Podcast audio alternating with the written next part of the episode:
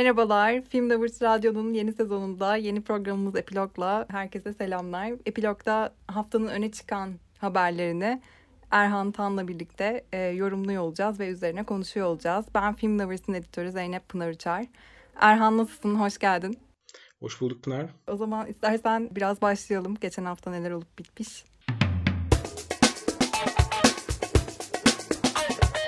Öncelikle cumartesi gününü pazara bağlayan gece Toronto Film Festivali ödülleri sahiplerini buldu. Ee, biraz bununla ilgili konuşarak başlayalım istersen. Enteresan bir Toronto Film Festivali geçirdik. Çünkü dijital olarak takip edebildik. Yani ben şahsım adına e, dijital olarak takip ettim. Ama bir yandan da dijital olarak ta- takip edebildiğimiz için diğer önemli filmler ödüle layık görülemedi. Yani Spencer'dan vesaire gibi filmlerden bahsediyorum. Çünkü dijital platformda, festivalin dijital platformunda yönetmenleri filmlerinin gösterilmesini istemedi. Bu bakımdan enteresan bir festivaldi. E, halkın seçimi ödülünde, büyük ödülde Belfast kazandı. Senin de düşüncelerini alayım biraz. Ya şey o söylediğin kısımda Dune, Last Night in Soho ve Spencer gibi üç büyük film e, dijitale verilmediği için e, halkın seçimi ödülü içinde değerlendirmeye alınmadı. Hani Belfast kazandığında aslında şöyledir. Toronto Film Festivali e, normalde hani mantıklı bir bağ kurulaması bile belki Oscar için çok e, şey bir gösterge aslında. Hani onu alan 13 filmin 12'si sonra en iyi film adaylığı almış ve bunlardan 5 en iyi filmde kazanmış sonra. Böyle bir özelliği var Toronto Film Festivali'nin halkın seçimi ödülünün. E, o yüzden aslında Belfast'ın alması şey görüldü ama işte mesela Dune ve e, Spencer gibi orada iddialı olabilecek iki filmin değerlendirmeye alınmamış olması hani Belfast'ın geçen yıllardaki kadar net bir işte Oscar'a şey gösterilip favori gösterip gösterilemeyeceğine dair de soru işaretleri yaratıyor ama bir yandan da kesinlikle artık o yarışın içinde çok önde olduğu da bence söylenebilir. Çünkü öyle bir elimizde geçmiş yıllara ait bir nasıl derler gösterge var. Evet bunun yanı sıra gerçi ben Belfast'ın fragmanını da sevenlerdenim aslında. Hani o bakımdan şey gibi düşünmüyorum. Belfast kazandı ama keşke böyle olmasaydı falan gibi e, düşünmüyorum. E, ama evet gerçekten o bakımdan enteresandı. Çünkü Dune, Spencer, Last Night in Soho gibi hani beklenen filmleri yarışta bu ödül için değerlendirilmedi bu sebeple. Onun dışında aslında biraz da Toronto Film Festivali hani Oscar yarışındaki filmlerin konumlarını belirlemenin yanı sıra aynı zamanda e, yani bundan sonra da tabii New York Film Festivali başlıyor ama e, yavaş yavaş bir dönüm noktası sanki sezon için yani bundan sonra festival sezonundan sanki biraz ödül sezonuna doğru geçiş yapıyoruz gibi. Ya işte artık ödül sezonu e, epeyce uzun bir süreç olacak zaten ama evet ona başladık gibi görünüyor ve ya biraz Belfast'tan bahsetmek gerekiyor sanırım. Bu Kenneth Branagh'ın yeni filmi. İrlanda'da geçiyor ve başrolünde Jamie Dornan var. Ben de fragmanını beğenenlerdenim bu arada ve e, biraz böyle Toronto'dan gelen ilk yorumlardan anladığım kadarıyla e, biraz da herkesin sevebileceği tarzdan filmlerden ki halkın seçimi ödülünde biraz öyle filmlere gidiyor genelde. E, o yönüyle sanki hani akademi üyelerinin de e, seveceği tarzdan bir film gibi lanse ediliyor. Hani henüz izleyemediğim için tam olarak bir şey diyemiyorum ama e, tüm bu gelen yorumlardan ve işte herkesin seveceği tarz bir film olarak nitelendirilmesinden e, şimdiden aslında biraz böyle o Oscar yarışının favorileri arasında Belfast'ı e, koyabiliriz gibi geliyor bana. Ya ben sadece o filmin biraz e, tehlikesi olarak şey olabilir gibi geliyor. Hani böyle o ödül sezonunda sevilecek ama klasikliğinden dolayı sevilecek e, gibi bir çizgide yürüyor gibi geliyor. E, yani öyle bir şey olmasın olmamasını ümit ediyorum.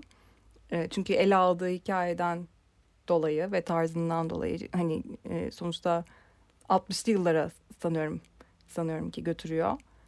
E, hani o klişelere düşmeden e, yapıyorsa bunu eğer e, daha çok mutlu olacağım. E, tek tehlikesinin ne olduğunu düşünüyorum filmin ama onun dışında evet fragmanı gayet iyi duruyordu. Biraz böyle genel festivallerin sadece Toronto işte Venedik ve toplamında baktığımızda şey gibi geliyor bana. Yine akademinin hangi yönünün ağır basacağına dair bir e, soru işaretleriyle gireceğiz bence sezon. Çünkü bir yandan işte Belfast gibi sevebilecekleri bir film var. Öteki taraftan hani bu tüm e, festivallerden en güçlü çıkan filmlerden biri Jane Campion'ın Power of the Dog'u. Ama Power of the Dog biraz daha e, nasıl derler art house sinemaya yakın duran bir yapım gibi duruyor.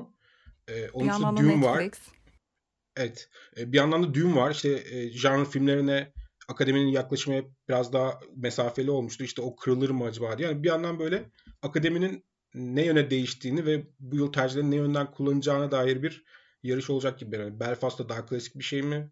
Power of the Dog'la daha aslında son yıllarda gördüğüm işte Parasite benzeri tercihlere yakın bir şey mi yoksa Dune'le biraz daha yine janrın tarafını kabul ettikleri bir yere mi gidecek gibi. E, hani böyle bir e, soru işaretleriyle gireceğiz gibi geliyor bana. Aslında evet yani e, pandemi döneminin etkilerinin yavaş yavaş kalktığı bu dönemde sanki geçtiğimiz yıla e, kıyasla çok daha farklı bir tablo izliyoruz. Yani geçtiğimiz yıl hep böyle bu dönemden itibaren tek bir filmi konuşmuştuk. Nomadland'ı konuşmuştuk ve çok belliydi. Ve hani Oscar'a da böyle girmiştik. Nomadland alacak hani e, bir sonraki ödülü kim alacak falan gibi bir düşünceyle girmiştik. Ona kıyasla aslında çok daha farklı bir dönem bekliyor bizi. Senin de bahsettiğin sebeplerden dolayı.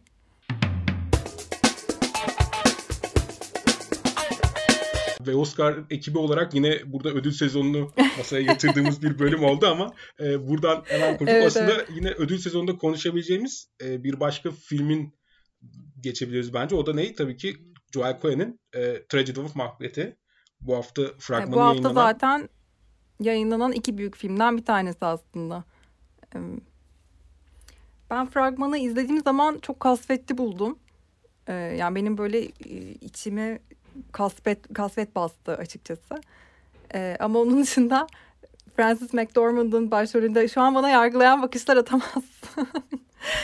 Francis McDormand'ın başrolünde olacak olması ve Joel Coen'in e, imzasını taşıyor olması sebebiyle hala umutla e, tabii ki bekliyorum. Sadece hani benim e, tercih edeceğim demeyeyim ama belki de beni şey yapacak türden bir film olur mu onu bilmiyorum. Çünkü çok çok kasvetliydi. Ya Tragedy of Macbeth şöyle. ilk duyurulda beni çok heyecanlandıran. Çünkü Joel Coen yönetiyor. Hani her ne kadar Coen kardeşlerden sadece biri olsa da sonuçta bir Coen kardeş ve e, çok heyecanlandıran bir sinemacı beni. E, Denzel Washington Macbeth'i oynuyor. E, Frances McDormand Lady Macbeth'i oynuyor ve daha önce oynadığı bir e, tiyatro oyununda da aynı karaktere hayat vermiş. Ve ilk filmi değil mi galiba Joel Coen'in? Evet Ethan Coen olmadan çektiği ilk filmi. Evet. Yani gelen haberler işte zaten siyah beyaz e, işte dilinin Shakespeare metnine çok yakın olduğu söyleniyor. Ya böyle açıklanan her şey beni çok çok heyecanlandırdı ve izlediğim fragmandan da hem Denzel Washington hem Francis McDormand'ın muhteşem performanslar sergilerine dair bir izlenim aldım ki zaten öyle bekliyordum. Ama benim de şöyle bir filme dair soru işaretim var. E, Justin Kurzel'in Macbeth'i, bu Michael Fassbender ve Marion Cotillard'ın başrolünü üstlendiği Macbeth aslında Joel Coen'in yapmak istediği şey epey yakındı gibi ya. Onda da metin e, aslında çok e, modernleştirilmemişti. Klasiğe yakındı. Sadık bir uyarlamaydı.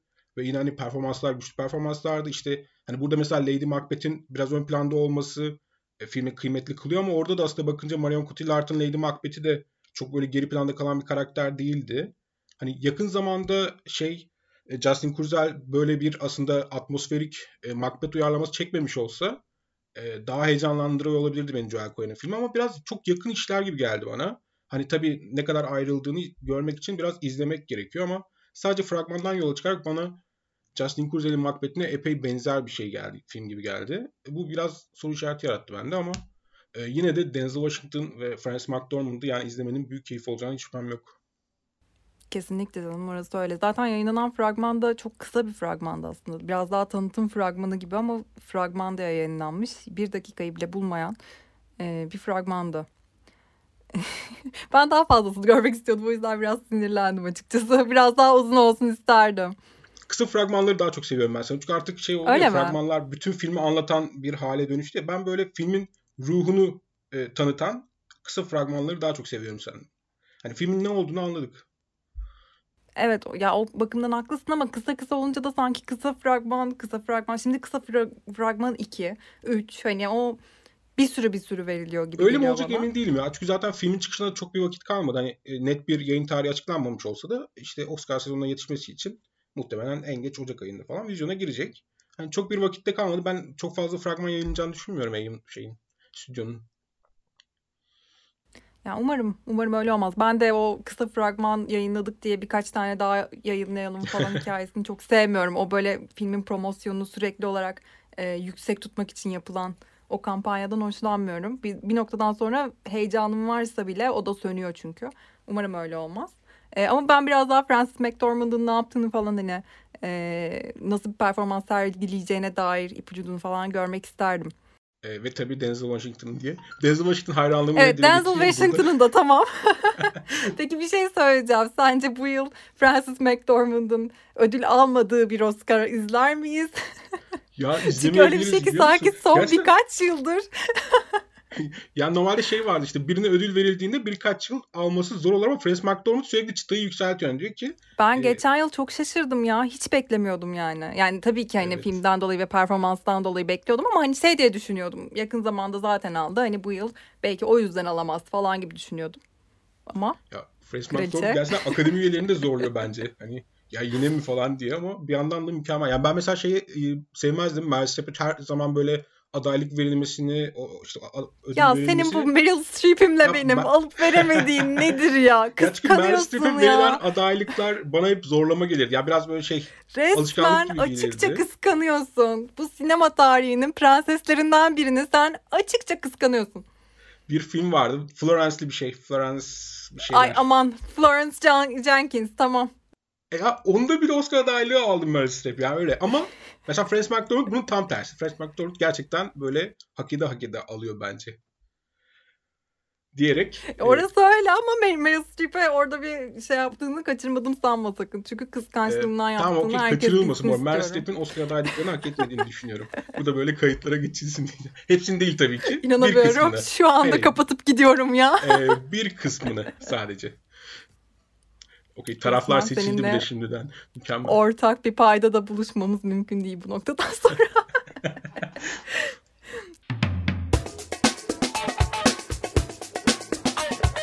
tamam daha fazla ayrışmadan istersen ikinci filmden Spencer'dan bahsedelim. Pablo Larraín'in yine bir biyografi. E, biyografi diyebilirim değil mi? Biyografi türündeki e, filmi Spencer, e, Lady Diana'ya odaklanan, daha doğrusu bir e, üç günlük süreye odaklanan e, yeni filme Spencer baş, başrolündekine bak ne kadar sonradan söylüyorum. Çünkü bugüne dek hep Kristen Stewart ilk önce ilk söylenen isim filmle ilgili. E, ona farklı bir dokunuş olarak üç, üçüncü cümlede falan söylüyorum ama başrolünde Kristen Stewart oynuyor. Lady Diana'yı e, bu sefer o canlandıracak. Tabii ki ön yargılar herkesin kafasında vardı. Ee, bu zamana kadar festivallerden genel olarak Kristen Stewart'ın performansı övülerek e, bahsedildi filmden.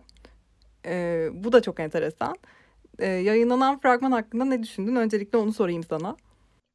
Ya şöyle bir şey var. Ben genel olarak kraliyet ailesine dair hikayeleri hiç sevmem. Çok mesafeli davranırım. Ama bir yandan da Pablo Rey'in filmi olması beni heyecanlandırıyor. Çünkü aslında Jackie'de de çok e, bir biyografiyi alıp çok farklı bir yöne çekerek çok iyi bir short, iyi iş ortaya koymuştu.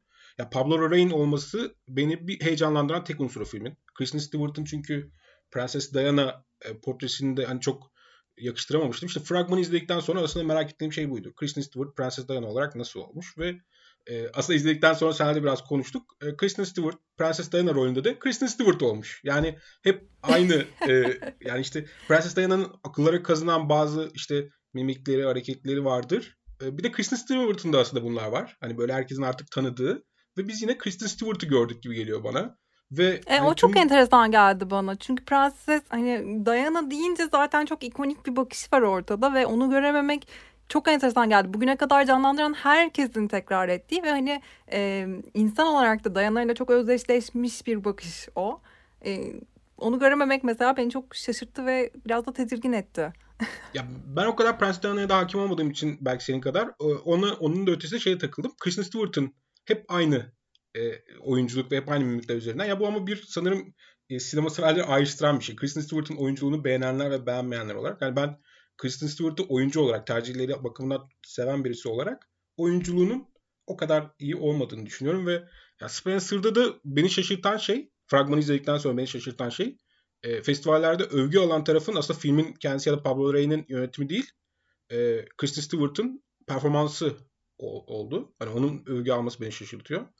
Ee, bilmem belki filmin hikayesini izlediğimde görüşüm değişecektir ama fragman odaklı baktığımda e, Pablo Larraín yine estetik bir iş ortaya koymuş gibi görünüyor ama Kristen Stewart beni pek ikna etmedi Lady Diana olarak. Yani hem estetik hem de hani o duygusal iniş çıkışları ben hissettim fragmanda. Pablo Larraín'in iyi bir işi ama Kristen Stewart olsa mıydı olmasa mıydı falan gibi düşüneceğimiz bir film e, olacak hissiyatını verdi bana.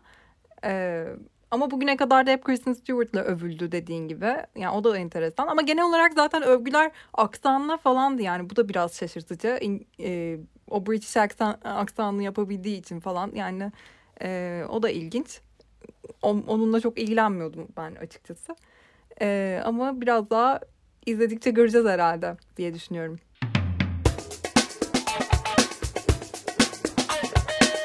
Hafta ortasında David e, Cronenberg bir kısa film yayınladı ve NFT olarak satışa çıkardı bu kısa filmi. Bir dakikalık yaklaşık bir kısa filmdi. Gerçekten ben çok rahatsız oldum ya kısa filmi izlerken. Sen izledin mi? Evet, evet izledim. Tam bir Cronenberg. Aşırı derecede kısası. rahatsız oldum. Aşı, tüylerim diken diken oldu. Zaten yani zaten hani ölüm fikriyle çok barışık bir insan değilim. Ama hani e, cesediyle bu kadar içi dışlı olması falan e, o böyle sessizliği kısa filmini falan beni çok rahatsız etti. Gerçek cesedi olmadığını biliyorsun değil mi? Bir. gerçekten Erhan aşırı derecede komik bir espriydi. Tebrik ediyorum kardeşim seni. tamam Erhan'ın kötü esprisinden ilerlersek onu bir tarafa bırakırsak eğer o sessizlik falan beni çok rahatsız etti. O böyle hafif fışırtı falan. Ee, bilmiyorum benim tüylerim diken diken etti. Ee, o bir de şeymiş galiba başka bir dizi için hazırlanmış o ceset ve insan boyutundaymış falan. Yani gerçek boyutlarındaymış. Dizi için hazırlanmış, orada kullanılmış. Daha sonra yıllar sonra e, bu kısa film için kullanmaya karar vermiş. Ay çok kötü bir fikir ya bu. Benim benim cesedim vardı ya falan. Şimdi kısa filmde kullanayım falan demek ya, tam bilmiyorum. Tam var bir hareket bu arada. yani bilmiyorum gerçekten. Ama bunun yanısında bir de başka bir karar da bunu NFT olarak açık arttırmaya sunması. Ee, o da çok enteresan bir karar. Ben NFT konusunda pek bilgili değildim ama araştırmak durumunda kaldım. Ee, ve hani öğrendiğim şeyler öğrendiğim kadarıyla e, sanıyorum ki sanatçının faydasına olan bir şey aslında ama bir yandan da şunu düşündüm yani bu sahip olma çılgınlığı gerçekten çok enteresan bir şey ve insana neler yaptırıyor yani.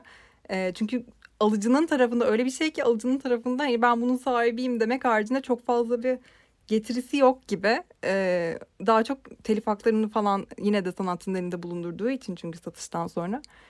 Ee, sen biliyor musun? Açıklayayım ya, mı NFT'yi? NFT dünyasını ben de çok bildiğimi söyleyemeyeceğim ama birazcık böyle yakın dönemde izlediğim YouTube videolarından falan birazcık bilgi sahibiyim. O da şöyle bir şey var. Ya bu hakikaten tamamen bir e, mülkiyet sahibi olma e, nasıl derler çılgınlığı üzerine bir şey ama şöyle bir şey var. Bir vakit sonra işin e, yani belki sosyal hayatın dijital bir ortama taşınacağı varsayımı üzerinden yapılan bir çılgınlık olması biraz daha mantıklı düzleme oturtuyor benim için. Şöyle ki hani bir nokta sonra artık sinemada film izleme deneyimin bile belki hani evden ve sanal gerçeklik üzerinden yaşanacağı bir gelecekte e, bu şeyin Cronenberg'in bu bir dakikalık kısa filmin tek sahibi alan kişi olacak ve bu filmin gösterimi için bu tekrar sanal ortamda yani Metaverse diye de bahsediliyor bundan. O Metaverse'deki e, gösterimi için tek sahibi olacak. Ya da mesela işte ileride hmm, bunun... Sanal ortamdaki tek sahibi diyorsun ama değil mi?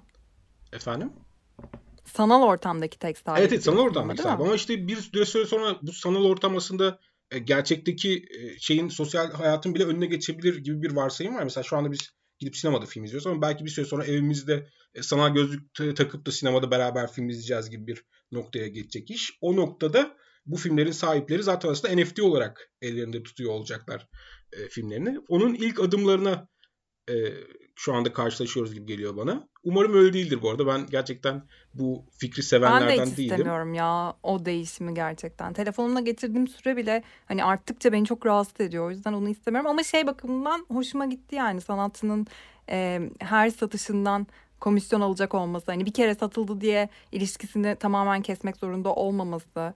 E, aynı zamanda da hala bir takım haklarını elinde bulunduruyor olması.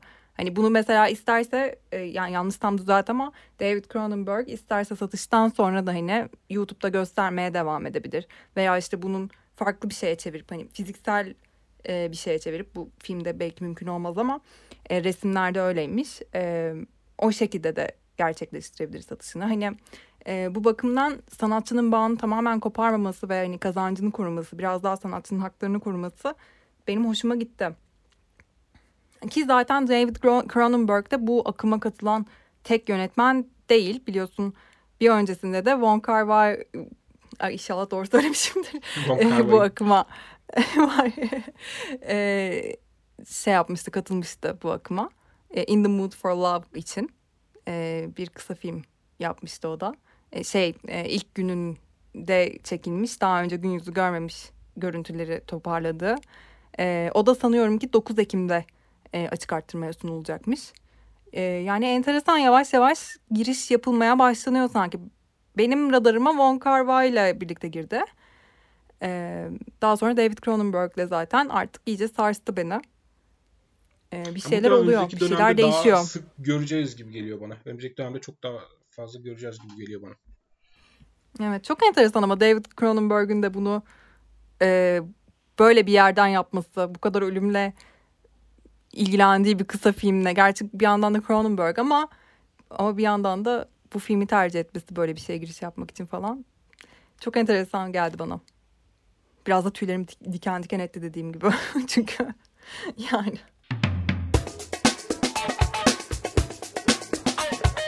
Neyse buradan sonra da yine e, yakın zamanda olan gelişmelerden e, Inarritu'nun son filminin çekimlerinin tamamlanması haberi var. Evet zaten Inarritu'nun bir süredir Meksika'da bir film çektiği konuşuluyordu. Ama film hakkında çok kısıtlı bilgimiz vardı. E, sanırım bu hafta hem ismi belli oldu hem de konusuna dair, e, türüne dair ilk detaylar. E, bunu yani film arasında haberleştiren kısmın editörü olarak önce senden dinleyelim bence. Nedir ne değildir Inarritu'nun yeni filmi. Yani dediğin gibi ismi açıklandı. Bardo ismi. Ee, ve şey parantez içinde de Or False Chronicle of a Handful of Truths gibi bir ismi var. Ama Bardo demek daha kolayıma geliyor benim. ee, yine 20 yıl kadar sonra Meksika'ya dönüyor yönetmen bu filmle birlikte. Meksika'da geçen bir film. Ki yani daha önce dediğin gibi şöyle böyle konuşmuştuk ama ilk kez sanki e, net detayları biraz da olsa bugün ortaya çıktı. Bu haberle birlikte ortaya çıktı. Ee, yani ben biraz daha detay olsun isterdim açıkçası filmle ilgili. Yine çok az detaylı açıklanmış olmasıyla birlikte tonuyla da ilgili bir şeyler söylendi. Ee, nostaljik komedi e, türünde sanıyorum ki. Ee, bir, tam olarak özetlenmesi şu anda önümde değil ama sanırım böyle özetlemişlerdi. Ya, nostaljik bir komedi ve yıllar sonra e, Meksika'ya dönen bir, bir maceraya karşı geçen sanırım. Evet bir belgesel yönetmenin yıllar sonra Meksika'ya dönüp böyle büyükçe bir maceraya dahil olması gibi bir konusu var. E, ve asıl onun ötesinde sanırım e, en kilit noktası nostaljik bir komedi olarak tanımlanıyor olması filmin. Evet aynen. Ee, başrol oyuncuları da açıklandı bu arada.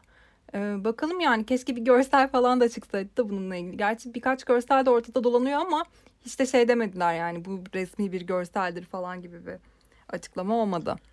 Henüz bu filmle ilgili böyle resmi bir şey açıklanmadan önce gelen bilgilerde e, Inarritu'nun Meksika'da e, geçmişte yapılmış bir gerçek televizyon programının stüdyosunu yeniden kurduğuna dair yani böyle biraz Meksika kültürüne dair Inarritu'nun oradaki deneyimine dair anılarını yeniden canlandırdığı da bir film olacağı söyleniyordu. İşte bu gelen nostaljik komedi şeyi de onu biraz doğrulayan nitelikte.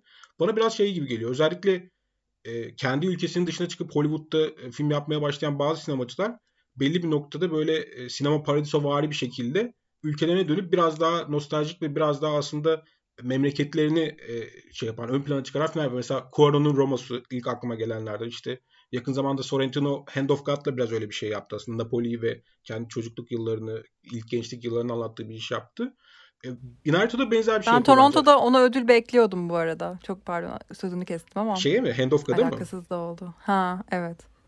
Ya evet zaten dikkat çekici bir film. Ya bana biraz o ekolün filmi gibi geliyor. Yani Alfonso Cuarón nasıl Roma ile kendi çocukluğuna ve işte kendi ülkesiyle e, geçmişine dair bir nostaljik film yaptıysa, işte Sorrentino nasıl Hand of God'la yaptıysa, Inarritu da bence bu filmde biraz onu yapıyor gibi geliyor bana. Meksika'ya dair, kendi oradaki anılarına dair bir e, geri dönüş var. Biraz dediğim gibi sinema paradiso vari bir hikaye. Bir yönetmenin yıllar sonra dönmesi ve işte kendi e, geçmişiyle yüzleşmesi gibi bir hikaye üzerinden. E, yani nasıl bir şey çıkacağını kestirememekle birlikte bir yandan da Inarritu'nun böyle bir film yapması benim hoşuma gitti açıkçası. Benim de aynen. Aynı zamanda yeni bir projesinin duyurulması falan filan da benim hoşuma gitti. Yani bir şey gelecek hani. Onun heyecanı da beni mutlu etti.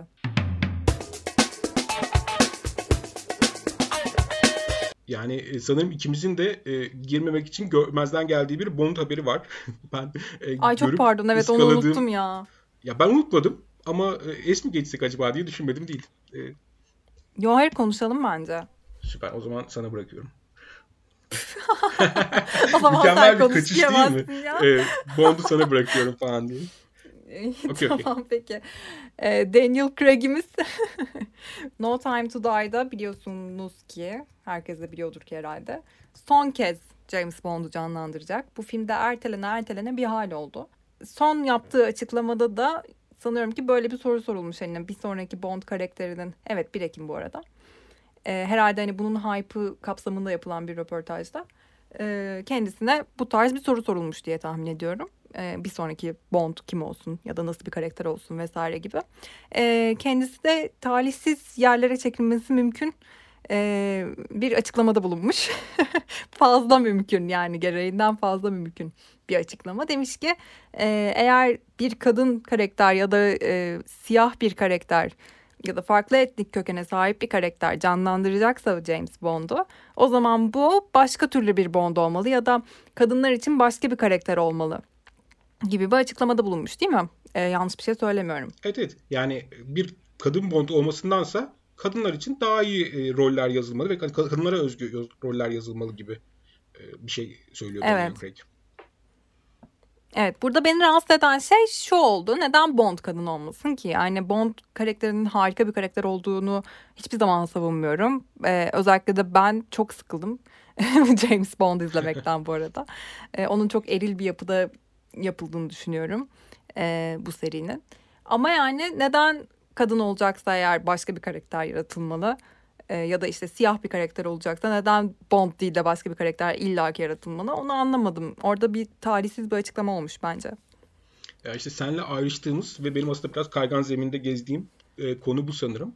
Ama benim bununla ilgili aslında yani net bir görüşüm Her an birlikte... cancellanabilirsin Erhan dikkat et. Okey. O yüzden net bir görüşüm olmamakla birlikte 2-3 e, takıldığım nokta var. Bunlardan biri şu. Kerry Fukunaga yani No Time to Die'in yönetmeni. Daha bu hafta bir röportajında dedi ki Sean Connery'nin Bond'u neredeyse hani rapist, e, tecavüzcü tavırları olan bir karakter dedi. Hani Bond gerçekten orijininde böyle bir karakter. Yani zamanla biraz modernleşmiş olsa da kadınlara karşı tavrıyla çok da aslında e, cancel culture'da yaşayamayacak bir karakter. Ya o karakteri hala devam ettirmenin bir gereği var mı?